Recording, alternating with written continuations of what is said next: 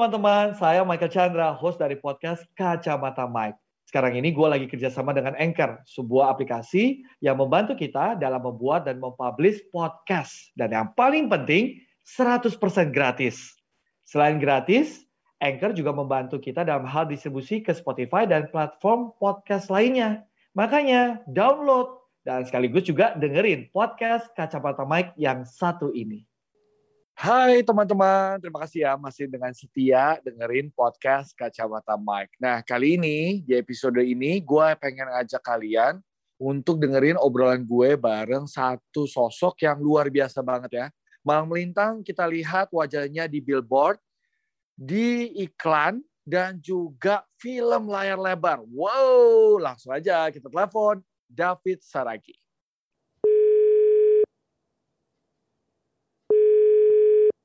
Halo, halo David. Yo. Halo Mike. Hey, terima kasih ya sudah bersedia berbagi cerita di podcast Kacamata Mike. Wah, Wah. suatu kehormatan nih orang yang malam melintang di billboard, main iklan, main film. Waduh, waktunya masih kebagi ya buat podcast di Kacamata Mike ya. Iya dong, karena kacamata Mike yang ngajak, langsung gue menyediakan waktu. It's my pleasure. Bisa aja, bisa aja. Tapi sebelum ngobrol, seperti biasa di podcast kacamata Mike, nah kita tuh ada yang namanya rapid test. Tapi bukan positif atau negatif COVID ya. Tapi yang jelas, Masalah ini asli nggak David Saragi gitu ya. Hmm, yeah. Langsung ya, ini langsung lu jawab secepat-cepatnya. Yes. Buat gue, aktor adalah agent bisnis agent business. Kenapa agent business? Talk about business kan, becoming an agent. Iya iya iya iya. Ya juga sih. Oke, pertanyaan berikutnya. Gue bakal girang bahagia kalau acting yang gue bawain bisa titik-titik orang. Menginspirasi. Si, wow. Menginspirasi. Berarti lu biasanya lihat-liatin skrip dulu ya. Mana yang bagus, mana yang enggak, mana yang kayaknya aduh skripnya nggak banget. Jadi lu termasuk aktor yang tipenya milih-milih skrip nggak? Tidak. Justru gue termasuk aktor yang sangat cerewet dengan sutradara. Ketika dikasih peran, oke okay, perannya ini, ya kan. Okay, uh -uh. Nanti gue mulai mikir, kira-kira gue bisa berimprovisasi di seperti ini nggak Pak? Gitu apa Bu sutradara? Oh, jadi ngobrol dulu kan, karena uh -uh. ada breakdown karakter nanti kan. Sampai akhirnya dibilang, oke, okay, nggak apa-apa nanti delivernya seperti itu, actingnya Bahkan oh jadi kalau emang sutradaranya ngerasa enggak lah udah lu nurut gua aja udah nggak usah improvisasi lu justru tambah males ya? Enggak juga sih karena iya enggak maksudnya gini kan karena kan yang bisa maunya sutradara bahkan penulis kalau ada di situ dia kan yeah. udah make up karakter kenapa cocoknya David Saragi gitu kan? Oh iya iya. Jadi iya, I'm iya. trying to be conversation aja dulu. Ini maunya seperti ini enggak, seperti itu enggak. Nah, jadi kan hmm. kan kita as an actor ya gue sih cuma mendeliver apa yang mereka mau tapi kalau okay. andainya mereka, wah that's a good idea fit, ya udah apa-apa. Jadi nggak nggak bilang dalam arti gue langsung bete atau apa enggak. Jadi intinya itu passion gue. Jadi lebih kepada ya maunya apa Pak Sutradara dan Bu penulis seperti apa gitu. Oke, berarti yang satu ini harus lu bisa jawab. Satu hal yang paling membuat gue males acting atau bete. Suasana paling mood. Mood. Iya. Jelasin dong, mood apa yang seperti apa sih? Ya, Sama pemain yang lain nggak kenal, nggak terlalu akrab atau gimana?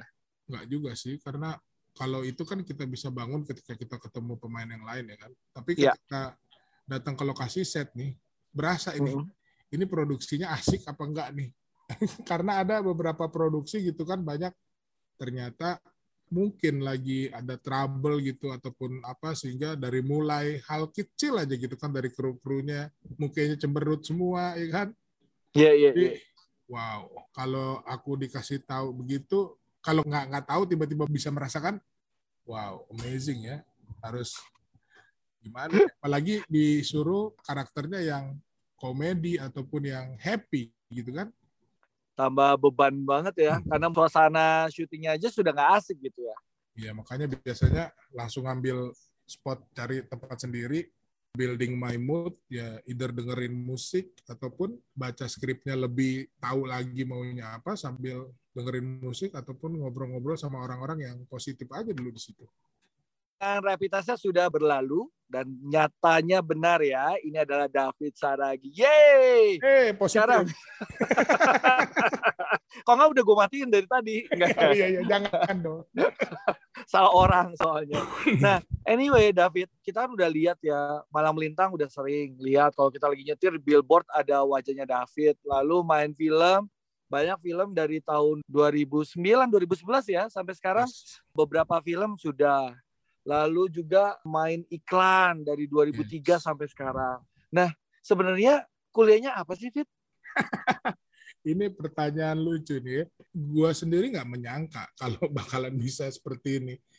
Karena kuliahnya di BINUS kan ya, jurusan komputer akuntansi, pernah uh. bekerja secara profesional juga sebagai dari mulai auditor, terakhir jabat publishing manager juga di EMI, Arts and uh. Publishing Manager, pernah juga terakhir tuh jadi Business Development Manager, bahkan akhirnya 2014 akhirnya menetapkan oke okay, ini harus fokus di entertainment. Kalau background hmm. seperti itu sampai akhirnya HRD nanya, ini Pak ini Bapak di mana sebenarnya ya?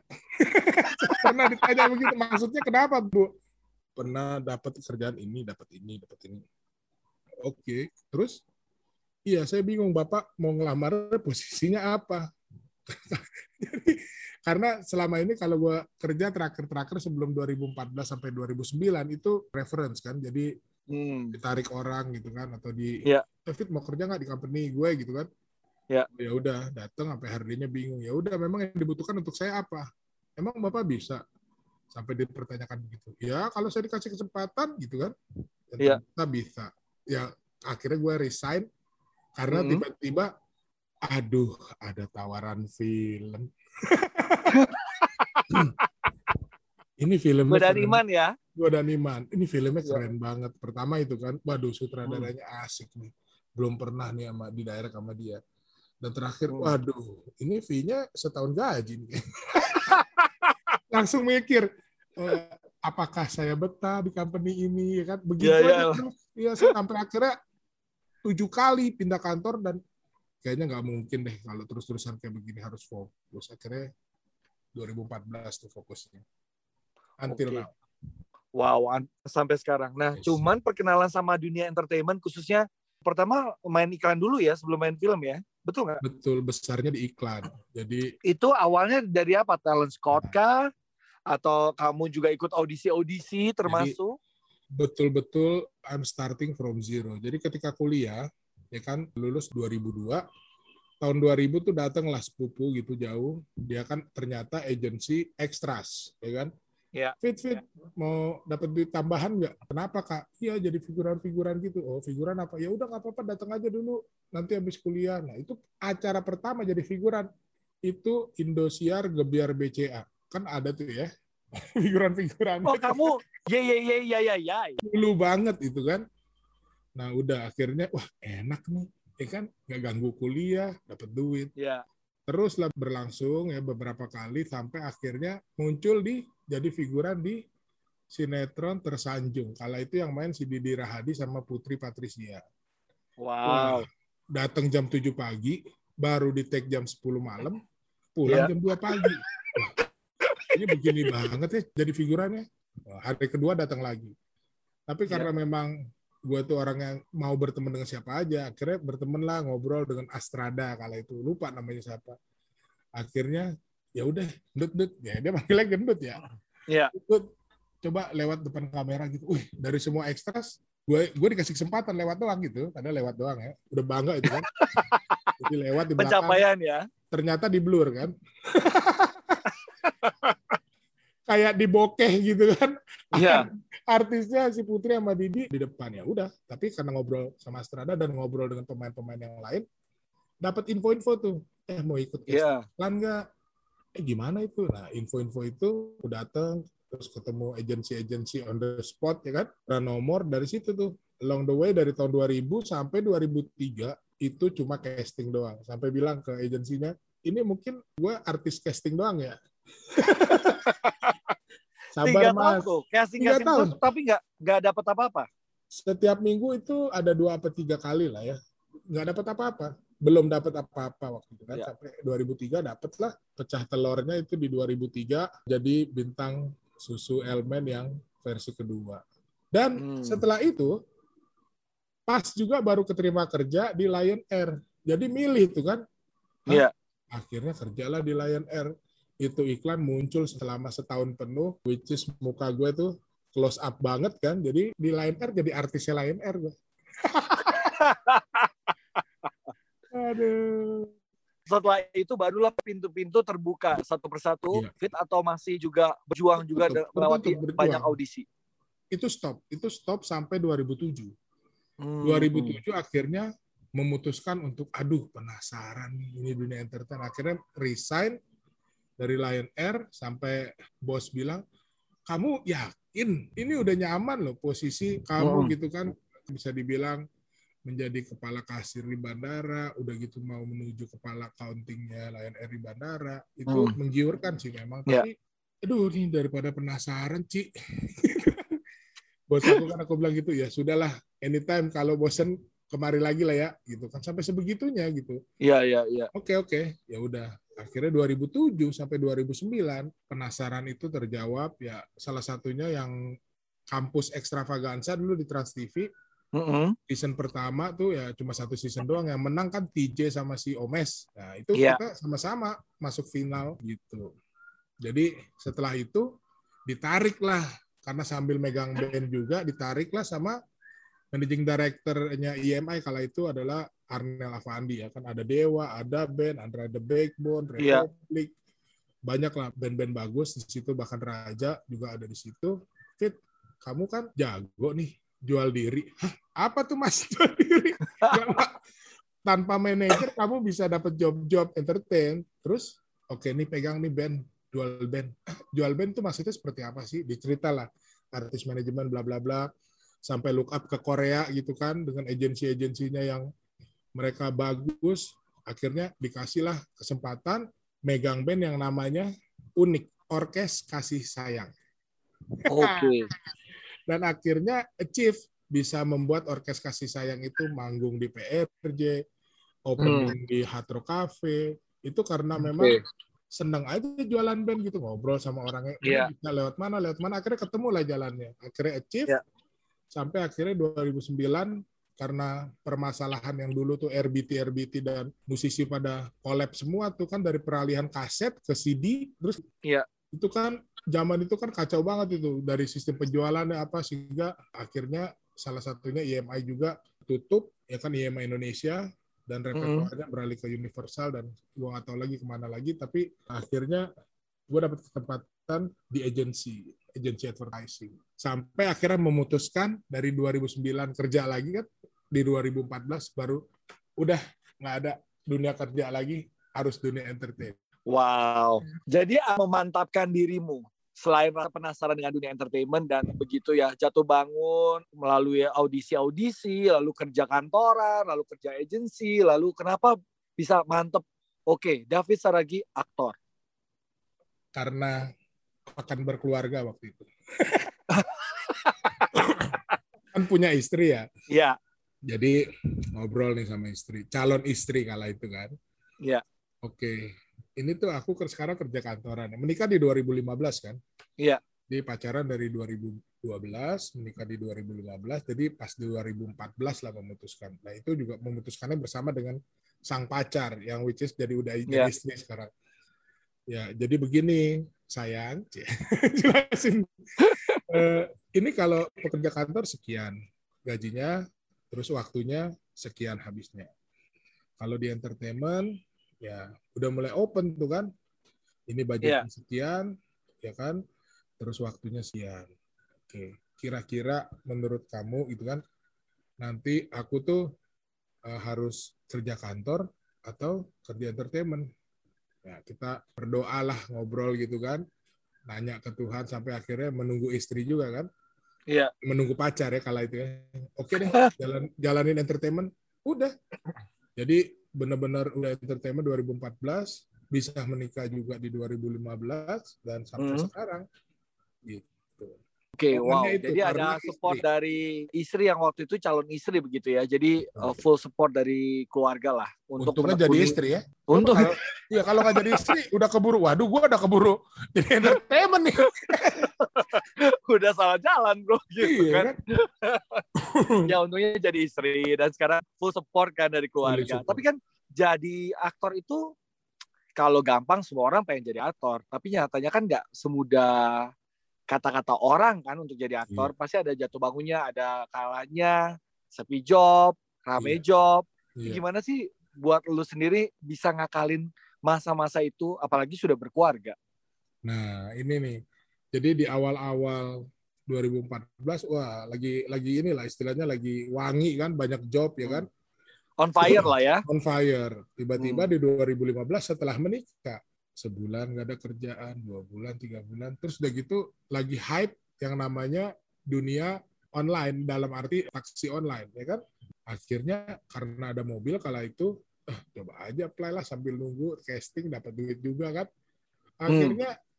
gue menjadi driver online di salah satu yang pionir pertama di Indonesia yang Uber kan. Mau pernah, Fit? Pernah, satu setengah tahun sampai anak lahir yang kedua, barulah banjir kerjaan tuh di 2000 anak lahir 2018 ya.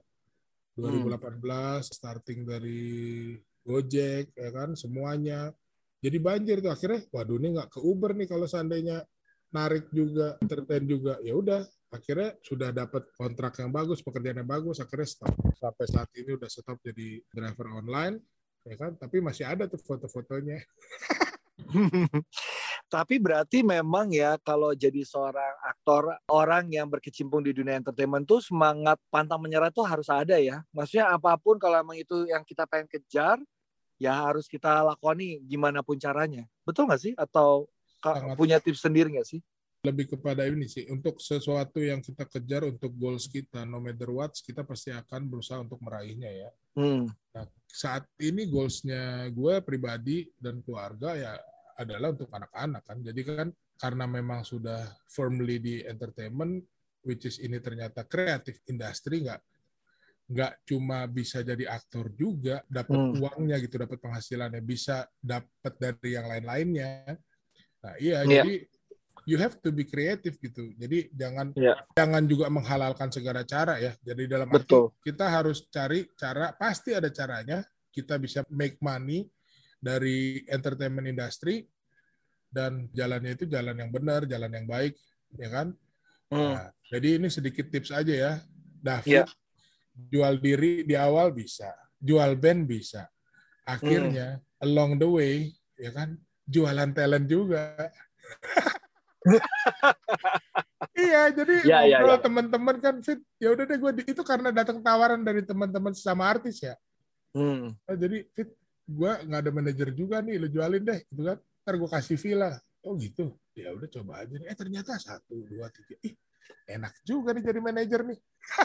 manajer artis. Jadi memang kuncinya harus terbuka ya. Kalau gue ngeliatin lo tuh kalau lagi cerita ini kan berarti ya terbuka untuk setiap kesempatan yang ada ya.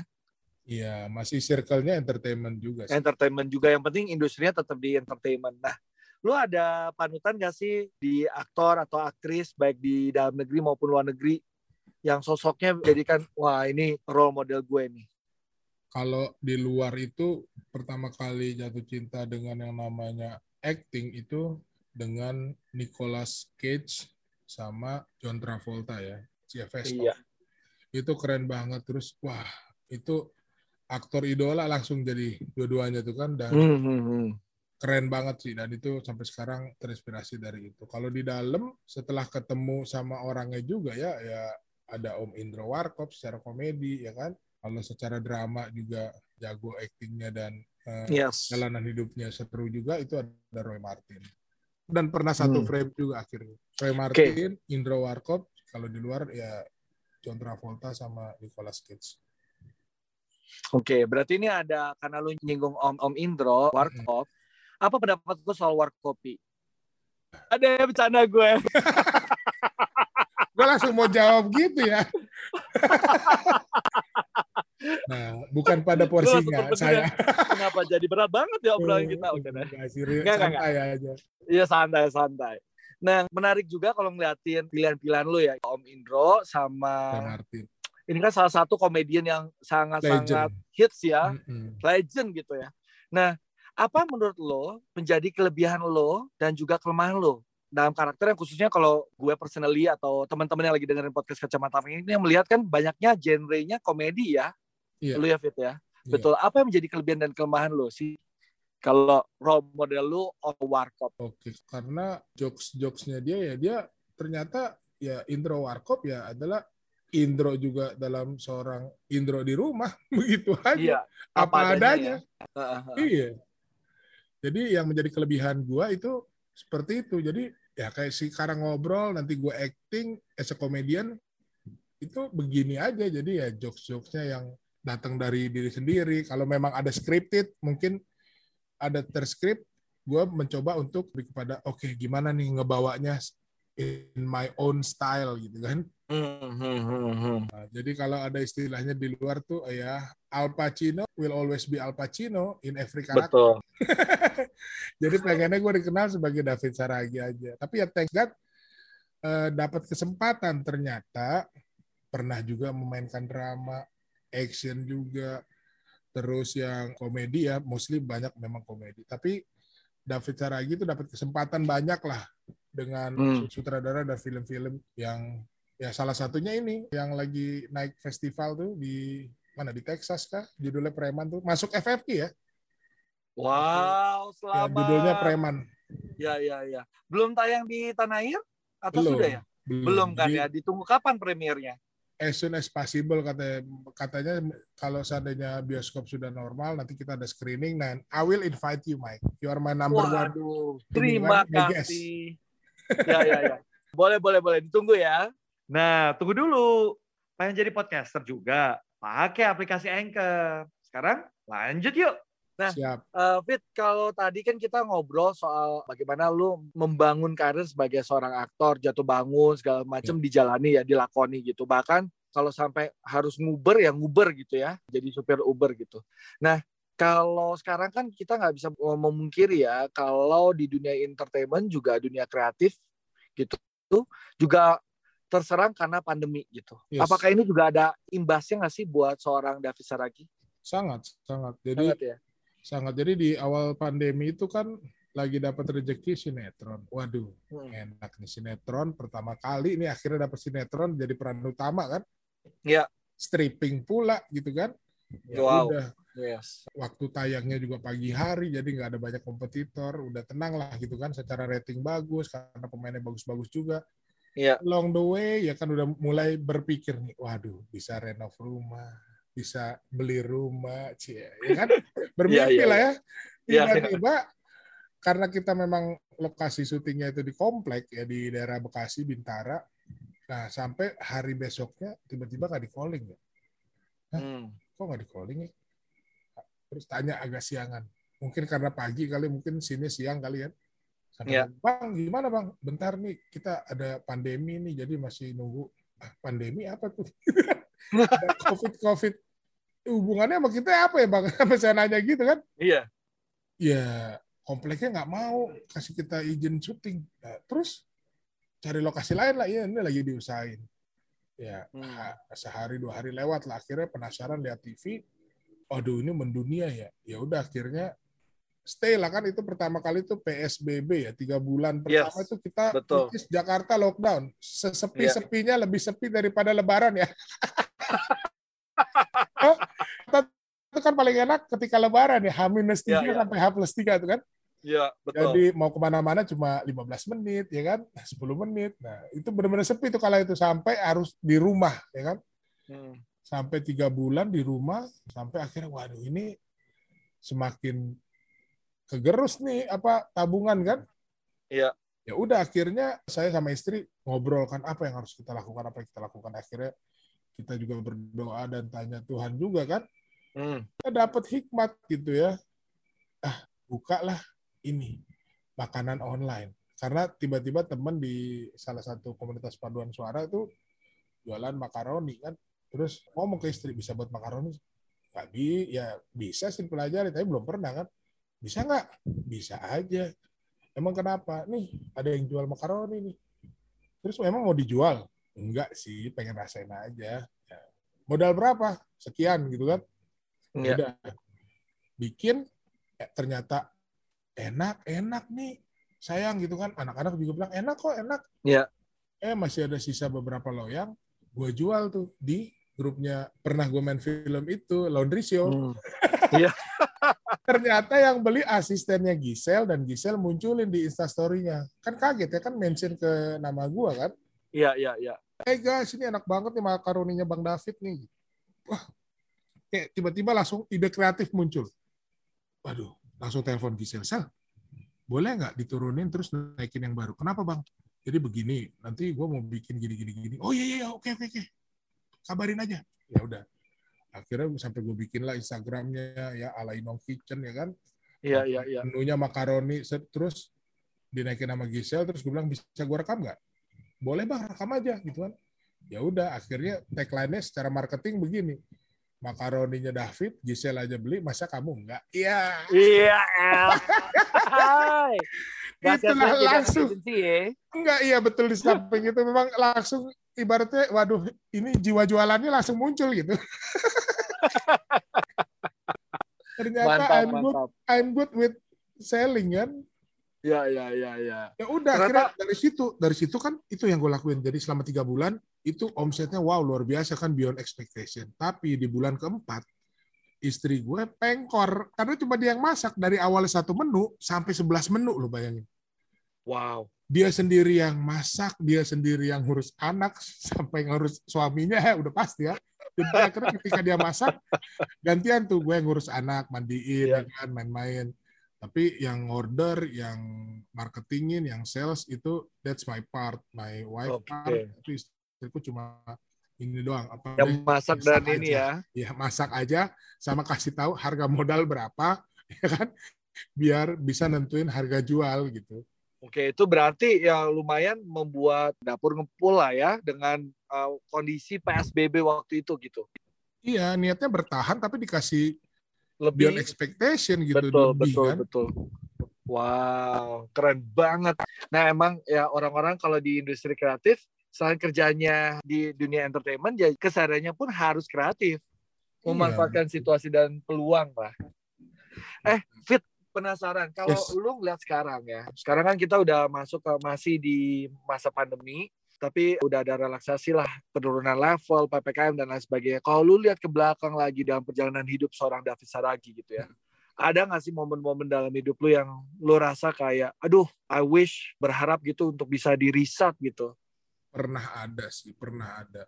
Contohnya kan kuliah gitu kan ya. kuliah aja sebenarnya tuh gue nggak setuju sama almarhum nyokap. Kenapa gue harus masuk binus komputer akuntansi? Padahal gue pengennya bener-bener pure ekonomi akuntansi toh gitu kan. Hmm. udah diterima waktu itu ya di Trisakti di Trisakti Atmajaya sama di Untar ya kan sama di binus. Wah, jadi ya nyokap punya pandangan lain ya kala itu ya. Sampai akhirnya ya udahlah bener-bener itu my failure gitu kan. Maksudnya kenapa gue nggak kekeh aja gitu kan? Iya. Tapi ya long the way sampai di sini kita percuma kita nggak bisa flashback kita nggak bisa seandainya awis-awis enggak jadi akhirnya gue udah sampai pada tahap what you can do now ya kan sama yeah. the future itu it depends on present ya kan ya yeah. jadi gue udah pada tahap dalam arti begini my mental ya kan maksudnya mentally my character udah ini kita harus optimal di hari ini sehingga itu yang menentukan masa depan kita udah jangan wow Iya jangan, betul. aduh tahu gitu, tahu ah udah capek energinya ngomongin ya. yang kemarin-kemarin. betul betul. Gue sepakat sama lo. Iya. Nah, karena kalau kita punya apalagi nih kalau teman-teman yang lagi dengerin podcast kacamata Mike punya resolusi-resolusi, aduh pengen hidup sehat tahun depan tapi gagal-gagal terus. Udah, mulai sekarang fokus aja dengan riset detox, cara terbaik untuk meriset pola hidup sehat. Yes. Ya nggak? Yes, setuju. Aduh, itulah kenapa kita nggak usah kayak terbelenggu sama masa lalu, kita harus fokus aja lihat ke depan. Nah, yes. nah sekarang karena kita ngeliat ke depan nih, Fit, saatnya yeah. kita juga tahu nih, bisa membayangkan seperti apa sih pilihan dari netizen yang maha benar ini. Nah. Karena kita masuk ke Sunet, suara netizen di nah. podcast Kacamata Mahal. Boleh, boleh, boleh. Nah, tugas lo nih sebenarnya simpel. Nanti kita lanjutin ngobrolan kita, tapi sebelumnya kita sunat dulu. Yeah. Tugasnya simpel adalah mencari tahu, memprediksi apa sih suara ke mayoritas suara netizen dari pilihan-pilihan yang akan gue kasih. Hmm. Ada lima pilihan. Tugasnya lo adalah memilih kira-kira netizen mana yang memilih A atau B lebih banyak, ya. Okay. Lu harus benar tiga dari okay. lima pilihan yang ada. Kalau lu kalah, lu harus bikin video hmm. saya David Saragi kalah dalam sunat di podcast Kacamata Mike ya. yeah, yeah. Dan lupa tag gue sama podcast Kacamata Mike. Kalau lu menang, yes. gue akan bikin video serupa. Deal? Deal. Deal. Seru nih, seru nih. Sama kan? Ya, Tugas ya, kita ya. udah membayangkan kira-kira suara netizen ini yang milih pilihan A atau B yang lebih banyak mana. Oke, kita ya. mulai. Oke. Ini semua temanya ada dalam hidup lo ya. Iya. Jadi orang-orang atau kegiatan atau apa pun yang ada dalam hidup seorang David Saragi. Kita mulai. Boy William atau Deva Mahendra? Deva Mahendra. Ingat. Ingat ya, suara netizen, bukan suara lo. Deva Boy William atau Deva Mahendra? Deva Mahendra. Wih, tegas sekali. Panji Pragiwaksono atau Yandi Lawrence? Yandi Lawrence.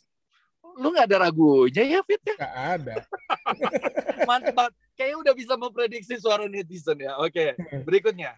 Vincent atau Desta? Desta. Ini nih bisa meramal masa depan kayak gue rasa. Grab atau Gojek? Gojek. Oke, ini berikutnya ya. Siap-siap nih. Ini Terakhir. salah satu yang, yang gue gue pikir lo harus bisa mana nih yang menjadi suara netizen. Calontong atau Indro Warkop? Indro Warkop. Waduh, oke udah ditampung semua, dikunci ya. Yes, dikunci. Semua jawaban udah pasti. Ada yang mau lu rasa, aduh, gue mau berubah lagi nih pilihan gue mah gitu. Ada nggak? Nggak berubah. Tapi tangan gue ini basah ya, gelisah, cemas-cemas. Tapi gue nggak mau berubah. yakin tapi cemas. Iya, yakin tapi cemas.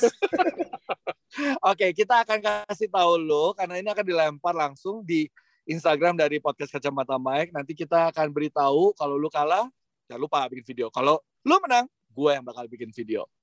Oke, biarkan netizen yang menentukan nasib kita berdua. Oke, kita lanjut ya. Yes, yes. ini gue okay, pengen tanya sih. Sebenarnya ada nggak sih pelajaran-pelajaran berharga yang lu rasa lu dapet ya selama lu menekuni dunia film gitu atau acting di tanah air? Ada nggak sih? yang justru mungkin nggak bisa lu lupain gitu. Ih gila gue belajar satu hal dari ini. Waduh bener-bener lengket banget dalam hidup lo. Dalam pemikiran lo. Banyak sih sebenarnya yang bisa dipelajari sih. Tapi satu hal yang benar-benar lengket yang gue inget. Akhirnya ini menjadi reminders to myself semenjak memasuki segala produksi bahwa satu hal intinya be humble. Hmm. Udah itu aja. Jadi yeah kita nggak pernah tahu ya itu karena motonya gue dapet dari berbagai macam produksi dan sebagainya be humble jadi you will never know ya kan? Karena ada satu quotes yang gue suka gitu kan. Your attitude determines your altitude. Yes. Ya jadi be humble ini attitude gue yang gue bawa ke sekolah produksi. Itu yang gue dapet ketika kita humble sama orang itu sama tim sama kru bahkan sama sutradara dan siapa pun itu di lokasi kita nggak memandang aduh ini orang sound nih. Aduh ini orang yes. kru nih. Jadi istilahnya makanya mereka tuh aduh David asik banget nih ngobrol sama siapa aja ya karena memang itu moto hidup gue kalau be humble ya akhirnya dikenal dan disayang bahkan didoakan baik-baik sama orang banyak sih. Iya, gue agree tuh dengan statement itu be humble ya. sama siapa pun ya. mau dia profesinya apa pun orang-orang ya, sama sekitar kita ya kita harus ya itu ya nggak boleh kayak kepalanya dongak terus inget iya. ya wow wow wow nah penasaran aja sih karena to be honest gue kan nggak pernah di dunia perfilman tapi gue suka nonton film ada nggak sih hal-hal yang kayaknya kalau kita kan sebagai penonton kan bawel ya, super bawel ya nggak sih Fit? Kayak Netizen banyak ya? komen tapi belum tentu jago acting. Iya iya iya. iya. Nah, ada nggak sih yang lu rasa kayak kan kita suka underestimate, aduh acting kayak gitu mah jelek, aduh biasa aja. Padahal itu ternyata kalau waktu pengambilan gambar atau syutingnya sulit banget. Ada nggak sih? Ya mungkin kalau kita sebagai penonton kurang menghargai, tapi ternyata waktu di, dijalani sama aktornya, diambil atau diarahkan sama sutradaranya itu susah banget ternyata. Ini dari sisi gue sebagai pemain maksudnya. Gue Boleh, boleh dari dulu sebagai, sebagai pemain atau pengetahuan lu karena lu kan di industri perfilman juga. Ya mungkin di produksi-produksi awal ya seperti itu. Banyak yang komplain gitu. Covid kok gini sih? Gini gini gini. Nah, jadi gue tipikal orang yang dikasih tahu terus gue nggak langsung oh ya terus kenapa? Begitu kan. Justru gue lebih kepada kalau dikasih kritik gini-gini oh ya? Hmm, oke. Jadi akhirnya di otak gue langsung apa sih yang bisa membuat dia mereka suka dan sebagainya? Nah, tapi akhirnya kembali lagi kepada yang almarhum Steve Jobs bilang ketika dia produksi Apple I cannot please everyone gitu kan I'm not selling ice cream gitu kan That's why Apple ada. Nah begitu juga akhirnya sampai ketika dikritik dan begitu. Nah gue lebih kepada nanya ke ini siapa nih kepentingannya kan di belakang itu ada sutradara dan penulis ya yang penting itu Iya. untuk mendeliver visualnya. Ya udah gue tanya dengan mereka apa mau mereka. Kalau menurut mereka ini udah oke fit, cakep actingnya oke take dari sisi film ya. Ya udah sudah yang penting gue udah deliver secara maunya sutradara dan penulis. Udah buat gue itu uh, standing point ya kan kalau orang ngomong apa dan sebagainya itu bicara masalah selera sebenarnya kan Iya. dan akhirnya gue bisa sampai di titik ini gitu bicaranya Wow. Jadi lu pun harus membiasakan diri memfilter semua komen, kritik, saran yang masuk ke lu ya. betul awalnya sih kan gue nerima aja akhirnya jadi iya iya begitu ya jadi akhirnya nah ini gue mencari lebih kepada ini benang merahnya ke mana sih ya kan Iya, iya. ini gara-garanya ya itu tuh ada satu buku bagus juga deh mungkin udah pernah baca juga Seven Habits tuh yang Stephen. Arnold dia kan iya. bilang itu kan itu kan habits-habits orang-orang yang sukses ataupun ingin mencapai goalsnya kan Mhm. ya salah satunya itu jadi ya ini kepentingannya buat siapa gitu kan ini dibuat film ini yang menjadi key playernya decision makernya ini oke apa enggak ya kalau di lokasi ataupun di, de- di depan layar ya sama lah kan Mike juga di depan layar ya. Terus produser kan Iya, betul. Nah, nanti kamu bicaranya harus begini skripnya begini-gini ya udah Iya. by that point aja gitu kan Iya. udah Karena banyakkan orang sekarang banyak komen, tapi komennya mau menjatuhkan aja, bukan untuk membangun kita. Iya nggak sih? Jadi Betul, kita harus sangat banyak. memfilter gitu. Nah ini yang merujuk kepada life quotes gue yang kedua. Jadi gue cuma punya dua Mike. Untuk nggak satu buku ya, tak kelamaan ya. Oh, jadi Jadi ada, ada, dua, iya ada dua ini apa namanya? The way you see the problem is the problem. Gitu. Wow. Ya, betul betul betul. Dari mana angle-nya lo lihat, ya itu sebenarnya yang jadi masalahnya. Iya iya iya iya iya. iya. Wow. Wah, kalau kita bisa ngobrol 2-3 jam lagi, mungkin udah bisa jadi satu buku. Quote-quote lu udah mulai keluar semua ntar. Yuk ah. Gitu. Berarti nanti akan ada sesi interview ya, yang Ada, live. ada, ya? ada, ada. Dua jam lamanya. Iya, iya kan? Aduh. Eh, Tapi by the way ya, penasaran aja. Kalau seandainya kan lu adanya di depan layar. Pernah nggak kebayang di belakang layar? As a sutradara misalnya. ini dia. Ternyata Tuhan baik, Mike. Oh? gua gua itu punya kerinduan ya, pengen jadi sutradara. Ini udah gerah ya, which is dari tahun berapa ya? 2000 lah, 2003. Hmm. Kalau ditarik garis mundur berarti sudah hampir 20 tahun ya. Hmm. Di tahun ke-16 di 2000 kapan ya pas anak gua lahir yang kedua, 2018. Iya. jadi gua 2018 gua produksi lah sama Winky Wiryawan ya, filmnya Ah. Rocker Balik Kampung entah gimana ini produksi pertamanya si sutradara karena dia iklan kan? Ya. sutradara iklan bikin film. Terus gue langsung ih gue mau juga lah jadi sutradara. Gitu kan? Jadi gue Ya. ngobrol nih sama produsernya kan istrinya mbak aku pengen banget tuh jadi sutradara belajar gini gini gini gini. Ya dimulai dari iklan aja deh. Oh ya udah fit magang aja dulu. Gitu kan internship. Hmm. oh bisa mbak. Bisa banget. Ya udah kamu datang. Kapan datang? Ah, welcome lah buat buat kamu seriusan? Wah sampai begitu. Iya. Ya udah kan gue pegang tuh kan.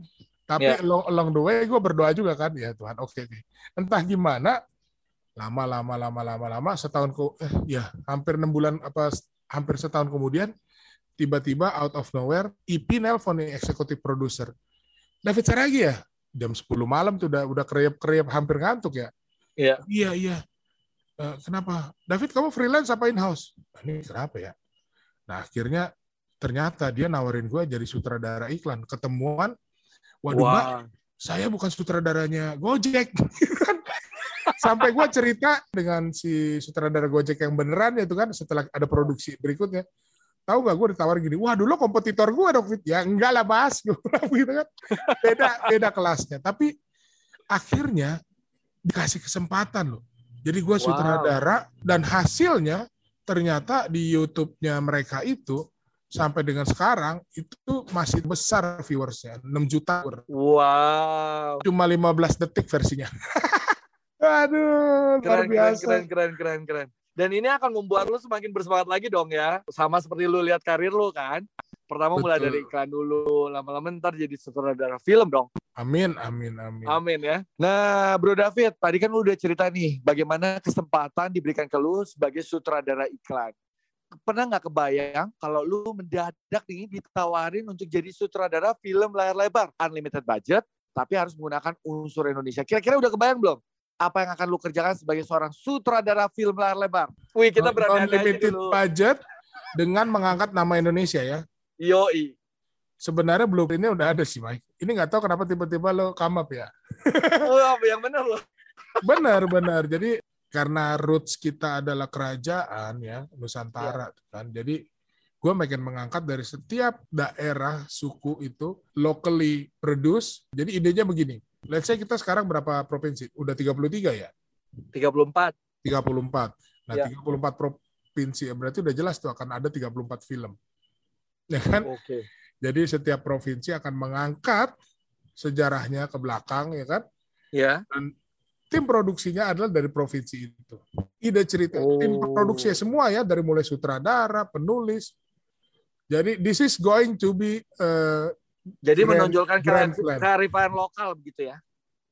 Iya, Karena, betul. Wow. Bisa dibilang kearifan wow. lokal sih. Mudah-mudahan ada yang mencontek ide ini ya, tapi uh, blueprintnya di saya nih.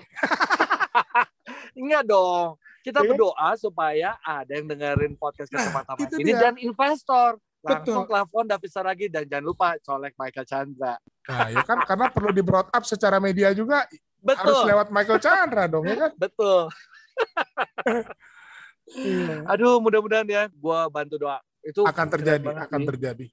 Akan terjadi. Amin, amin, amin. amin. Nah, tips nih terakhir, tipsnya buat teman-teman.